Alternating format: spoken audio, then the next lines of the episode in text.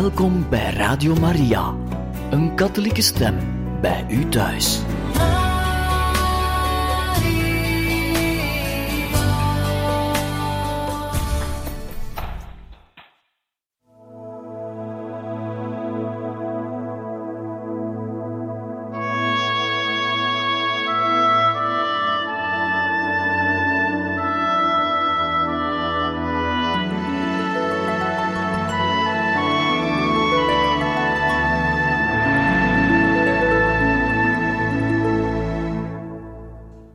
Gaan verder met de apostolische brief van zijn heiligheid Johannes de 23e, gericht aan het episcopaat en aan de gelovigen van de katholieke wereld. Wat vertelt hij ons over de rozenkrans? Wat is de rozenkrans mooi? De rozenkrans van het onschuldige kind en van de zieke, van de maagd die in de verborgenheid van het klooster leeft, of zich wijdt aan de dienst der barmhartigheid en die steeds in nederigheid en opoffering leeft. En de rozenkrans van de man en de vrouw, vader en moeder van het gezin, die zich bewust zijn van hun christelijke verantwoordelijkheid. De rozenkrans van de eenvoudige, vrome families die nog trouw zijn aan de oude huiselijke traditie. Van teruggetrokken en stille mensen die ver afstaan van het leven, van de wereld, waaraan zij hebben verzaakt, terwijl zij toch altijd verplicht zijn in de wereld te leven, maar dan als kluizenaars tussen de onzekerheid en bekoringen. Dit is de rozenkrans van de vrome zielen die zich inspannen voor hun persoonlijke heiliging en die van bezorgdheid en liefde voor hun medemensen vervuld zijn. Bij de eerbied voor deze oude, vertrouwde en ontroerende vorm van Maria-verering, overeenkomstig de persoonlijke omstandigheden van ieder, mogen wij er bovendien aan toevoegen dat de huidige evolutie, die in iedere sector van de menselijke samenleving plaatsgrijpt, de wetenschappelijke uitvindingen de perfectionering van de organisatie van het werk die de mens ertoe brengt om met grotere en ruimere blik en scherp inzicht het aanschijn van de hedendaagse wereld te meten, een nieuwe gevoelswereld heeft doen ontwaken, ook wat betreft de functies en de vormen van het christelijk gebed. Thans voelt ieder mens die bidt zich niet meer enkel en alleen bezig met zijn eigen belangen van geestelijke en tijdelijke aard, maar hij voelt meer en beter dan voorheen dat hij deel uitmaakt van een grote gemeenschap, waarvan hij de verantwoordelijkheid deelt, de voordelen geniet en de onzekerheden en de gevaren vreest. Dit is overeenkomstig het kenmerk van het liturgisch gebed van het missaal en het brevier, bij iedere fase, aangeduid door het oremus, laten wij bidden, hetgeen meervoud en menigte veronderstelt, zowel van degene die bidden als van degene die verhoring verwachten en door wie het gebed wordt verricht, is het de menigte die bidt in eendrachtig smeken voor de gehele menselijke, godsdienstige en maatschappelijke broederschap. De rozenkrans van Maria wordt derhalve verheven tot groot en openbaar en universeel gebed bij de gewone en bijzondere noden van de Heilige Kerk, de naties en de gehele wereld. Er waren moeilijke tijden, zeer moeilijke in de geschiedenis van de volkeren, door de opeenvolging van gebeurtenissen die met bloed en tranen de veranderingen in de machtigste staten van Europa markeerden.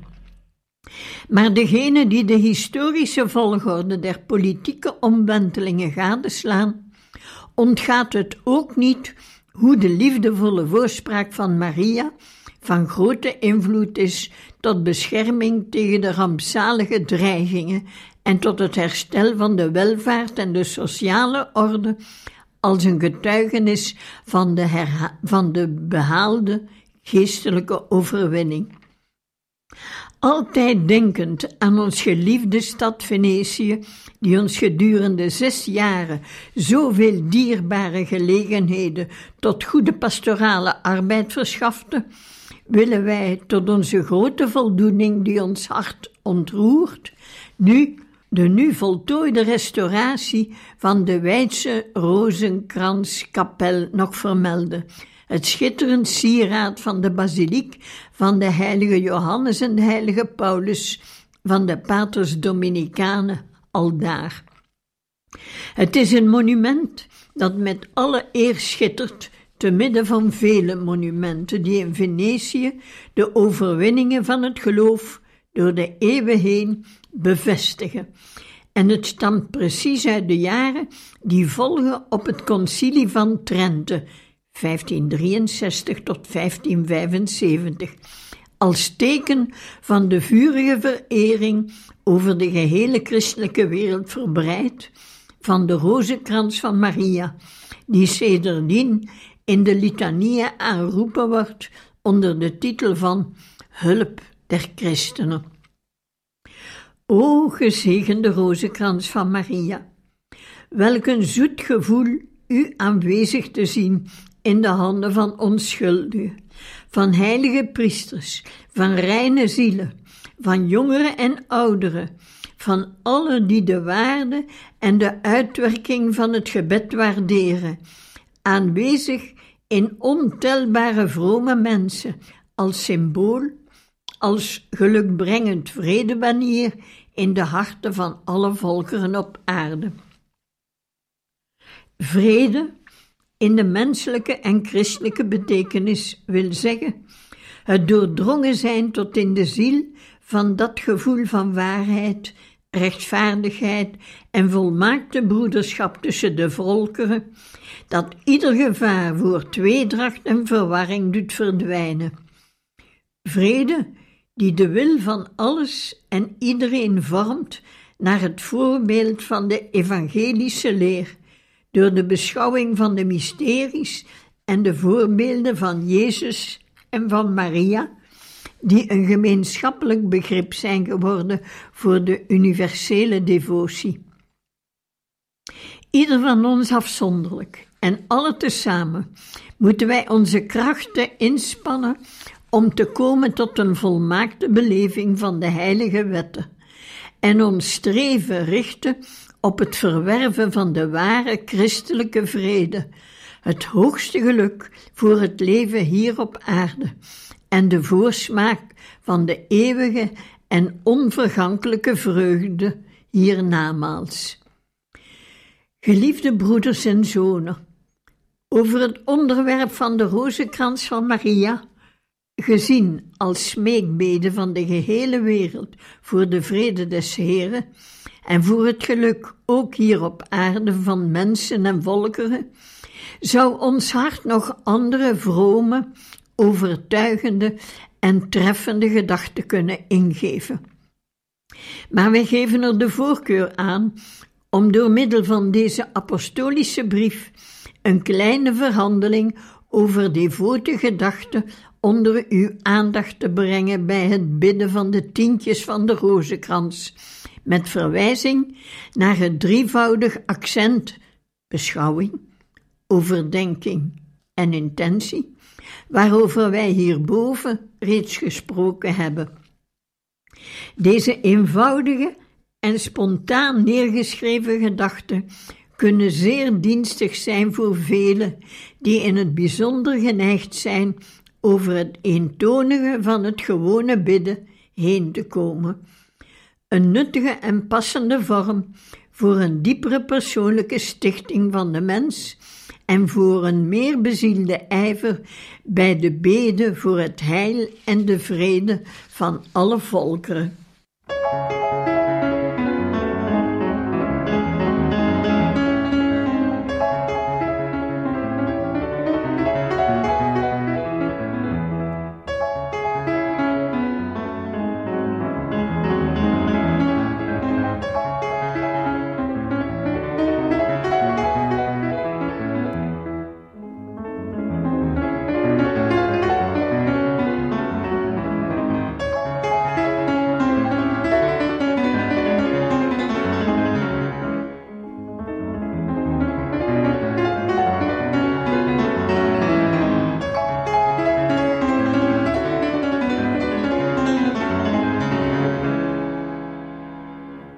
De laatste gedachte is gewijd aan Sint Jozef.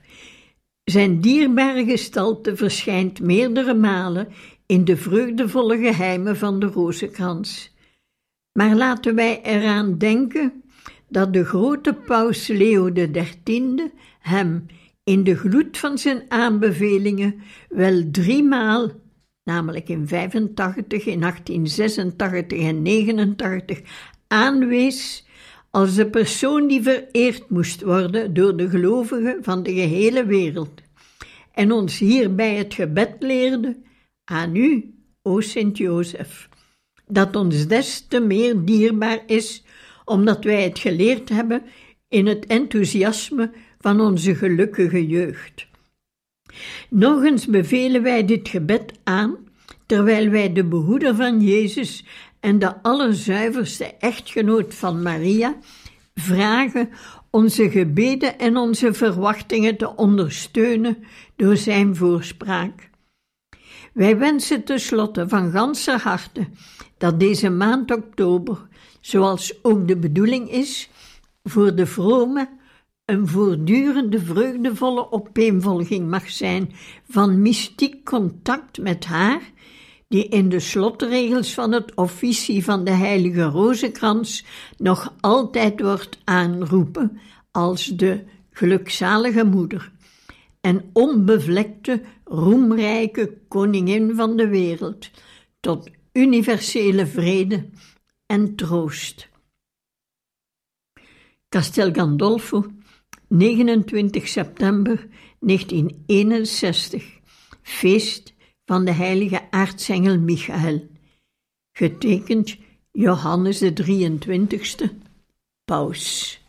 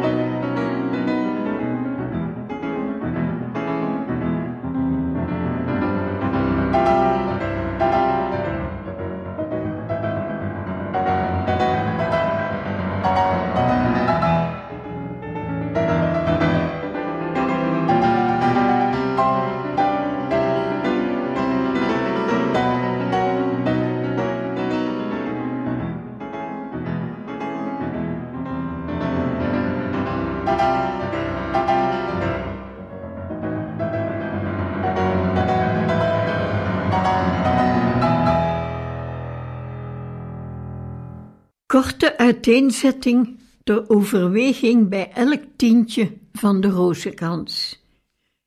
De blijde geheimen. 1. De engel Gabriel brengt de blijde boodschap aan Maria. Dit is het eerste lichtpunt in de verbinding van hemel en aarde, de eerste in de reeks van de grootste gebeurtenissen aller tijden. De Zoon van God, het woord van de Vader, door wie alles geworden is van hetgeen geworden is, neemt volgens dit geheim in de orde van de schepping de menselijke natuur aan. Hij zelf wordt mens om de redder en de verlosser van de mensen en van de gehele mensheid te zijn.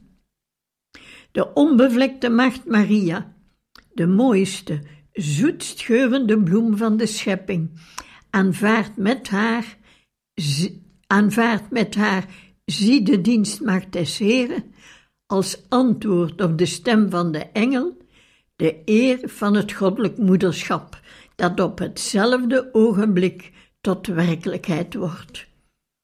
Door geboorte verbonden met onze vader Adam, waren wij eens aangenomen kinderen van God. Daarna, in zonde gevallen, worden wij nu opnieuw broeders, aangenomen kinderen van de Vader, in ere hersteld door de verlossing die nu een aanvang neemt. Aan de voet van het kruis zullen wij kinderen van Maria samen met Jezus, die nu door haar ontvangen wordt. Vanaf dit moment zal zij zijn de moeder van God en vervolgens onze moeder. Wat een verhevenheid en wat een tederheid in het eerste geheim. Wanneer wij erover nadenken, is onze voornaamste, voortdurende plicht gelegen in het dankbrengen aan de Heer, die zich verwaardigd heeft ons te komen redden, die daarom mens geworden is en als mens onze broeder. Hij heeft zich met ons verbonden door de zoon te worden van een vrouw, van de vrouw die ons aan de voet van het kruis als haar kinderen aannam. Aangenomen kinderen van de Hemelse Vader heeft Hij ons gewild als kinderen van zijn eigen moeder. Bij de overweging van dit eerste gegeven moet het doel van het gebed, naast de gewone, steeds voortdurende dank, ook bestaan in een poging, maar dan een ernstige en wezenlijke poging tot nederigheid, zuiverheid en innige naastenliefde, stuk voor stuk deugden waarvan de gezegende maagd ons zo'n kostbaar voorbeeld is.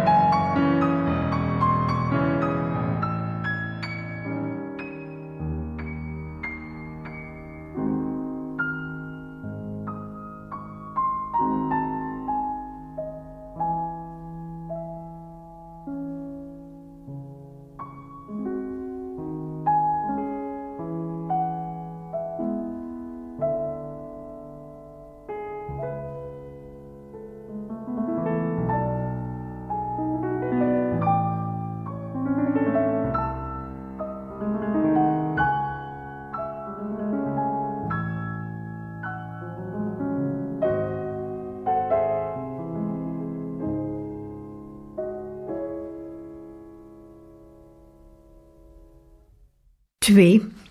Maria bezoekt haar nicht Elisabeth. Wat een bekoorlijkheid en wat een liefde spreekt er uit dat drie maanden lange bezoek van Maria aan haar beminde nicht. De ene zowel als de andere was in verwachting van een aanstaand moederschap. Voor de moedermaagd het meest heilige moederschap dat op aarde denkbaar is. Een zoete harmonie klinkt afwisselend uit de twee zangen die in elkaar overgaan. Gij zijt de gezegende onder de vrouwen, van de ene kant, en van de andere kant, de Heer heeft neergezien op de geringheid van zijn dienstmaagd. Alle geslachten zullen mij zalig prijzen. Het gebeuren te Ein Karim in het bergland van Hebron werpt een menselijk en tegelijk een hemelslicht op de banden die er zijn tussen de goede christelijke families, opgevoed in de oude school van de rozenkrans. De rozenkrans elke avond thuis gebeden in de familiekring. Gebeden niet in honderd of duizend families, maar door alle, werkelijk door alle, op alle plaatsen ter wereld waar iemand van ons lijdt, strijdt en bidt. Gebeden uit een telkens verschillend motief, ofwel vanwege het priesterambt, of uit missieliefde, of uit zorg voor het apostolaat, of ook gebeden met het oog op een van die vele verplichte en dus ook wettige intenties van het dagelijks werk, de handel, de militaire dienst, de studie, het onderwijs of welke andere bezigheid ook. Tijdens de tien weesgegroeten van het geheim heeft er een weldoende ontmoeting plaats van oneindig veel zielen, met elkaar verbonden door bloedverwantschap, door de banden van het gezin, door een heilige en krachtdadige liefdesverhouding die de meest dierbare personen verbindt, ouders en kinderen, broeders en verwanten, mensen van éénzelfde land of van éénzelfde volk. Dit alles met de bedoeling om de werkelijkheid van de allesomvattende liefde te bevorderen, te vergroten en uit te dragen. De beoefening van de liefde geeft immers in het leven de meest intense vreugde en de hoogste eer. 3. Jezus wordt geboren in een stal te Bethlehem. Op een uur door de normen van de aangenomen menselijke natuur bepaald, treedt het mens geworden woord van God uit het heilig tabernakel van Maria's onbevlekte schoot. Zijn eerste openbaring in de wereld heeft plaats in een voederbak. Hier herkauwen de beesten het hooi, en rondom is er stilte, armoede, eenvoud en onschuld. Engelenstemmen klinken door de lucht om de vrede aan te kondigen, de vrede die in de wereld wordt gebracht door het kind dat zo pas geboren is. De eerste die het aanbidden zijn Maria, zijn moeder, en Jozef, zijn voedstervader. Na hen eenvoudige herders die op uitnodiging van engelenstemmen omlaag zijn gekomen van de heuvels. Later zal een karavaan van voorname vreemdelingen volgen, van verre voorafgegaan door een ster, en zij zullen kostbare geschenken aanbieden, vol diepere betekenis. In de nacht van Bethlehem spreekt alles een universele taal. Bij dit geheim is er geen knie die zich niet in aanbidding buigt voor de kribbe. Er is niemand die niet let op de ogen van het goddelijk kind. Zijn ogen gaan naar de verte, alsof zij werkelijk alle volkeren van de gehele aarde één voor één ontwaren. Zij trekken alle als in een stoet aan hem voorbij, en hij herkent ze alle, identificeert ze alle, groet ze alle met een glimlach. Joden, Romeinen, Grieken, Chinezen, Indianen, volkeren uit Afrika, volkeren uit alle landen van de wereld, uit alle tijden van de geschiedenis, uit de meest afgelegen en verlaten streken, uit de verst verwijderde, de minst bekende en nog niet ontdekte gebieden, uit tijden van verleden, heden en toekomst. Bij het bidden van deze tien weesgegroeten wil de Heilige Vader aan de pasgeboren Jezus van harte aanbevelen het talloze aantal kinderen uit alle stammen van de mensen die de laatste 24 uur in de nacht of overdag waar ter wereld ook zijn geboren. Hoeveel niet?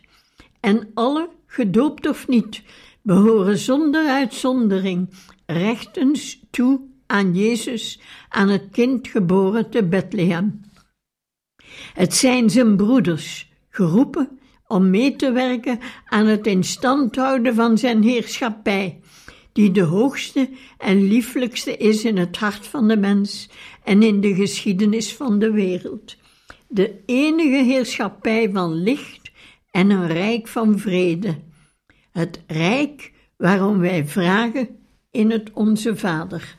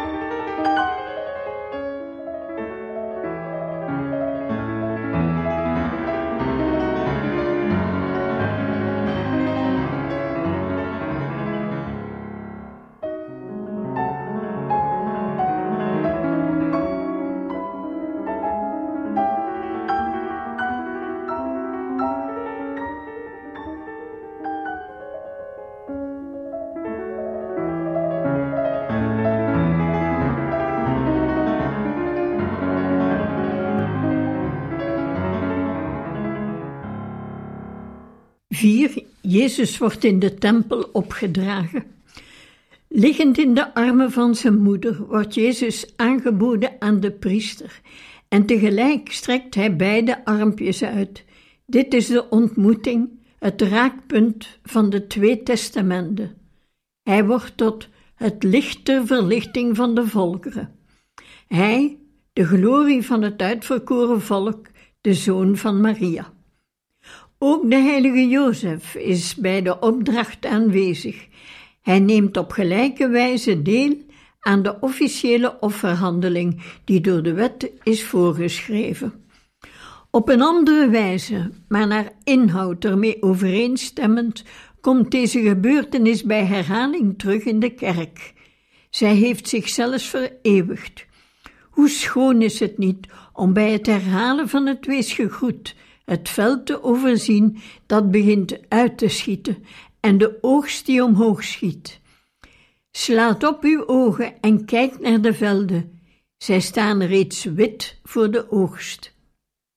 Het is de opkomende blijde verwachting van de priesters, van de medewerkers en medewerksters van de priesters, die zo talrijk zijn in het rijk van God en toch nooit voldoende. Jongens in de seminaries, in de kloosterscholen, in de missiehuizen en zelfs, waarom niet? Zijn zij ook geen christenen? Zijn ook zij niet geroepen apostel te zijn?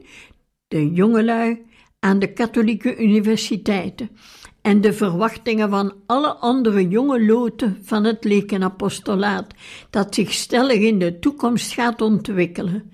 Een apostolaat dat niet tegenstaande de moeilijkheden en tegenstellingen, ook onder de naties die bezocht worden door vervolging, bij zijn ontplooiing zo'n troostrijk schouwspel biedt en zal blijven bieden, dat het woorden van bewondering en vreugde oproept.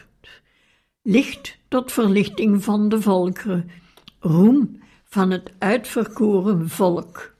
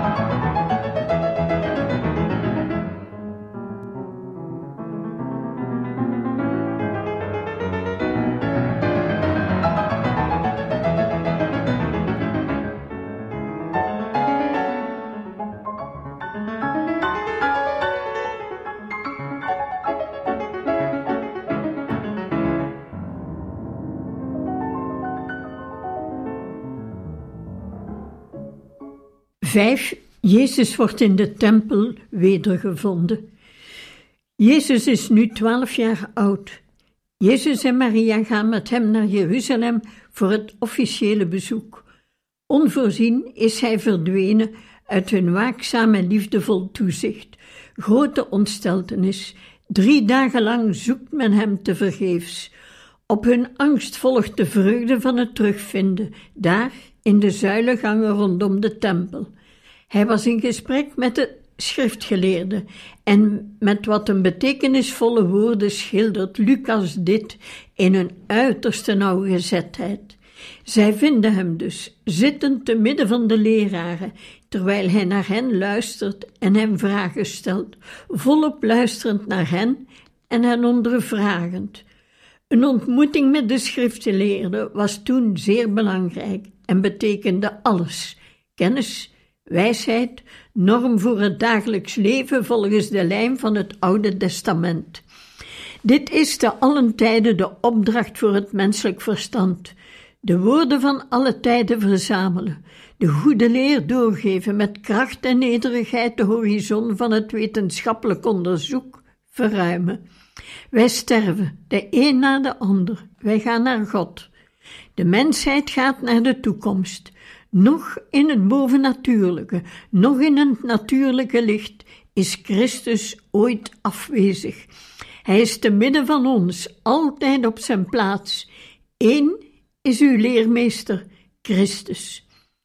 Dit is de vijfde reeks van tien weesgegroeten, de laatste van de blijde geheimen.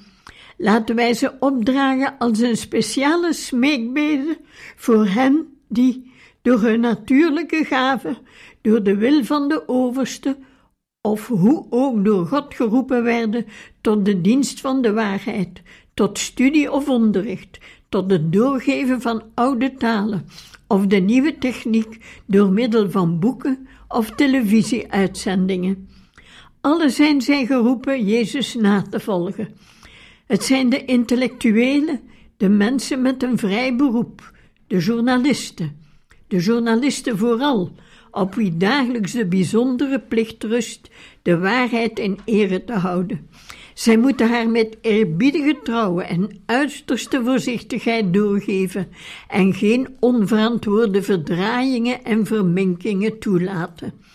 Zeker, voor al deze mensen bidden wij, voor priesters en leken, wij bidden dat zij in staat zouden zijn naar de waarheid te luisteren, en daarvoor is een bijzondere zuiverheid van hart nodig. Dat zij de waarheid mogen begrijpen, en daarvoor is een grote nederigheid van geest nodig. Dat zij haar weten te verdedigen, en daarvoor is datgene nodig wat de kracht van Jezus en de kracht van de Heilige was: de gehoorzaamheid. Alleen de gehoorzaamheid brengt de vrede, ofwel de overwinning. Volgende week gaan we verder met de droeve geheimen.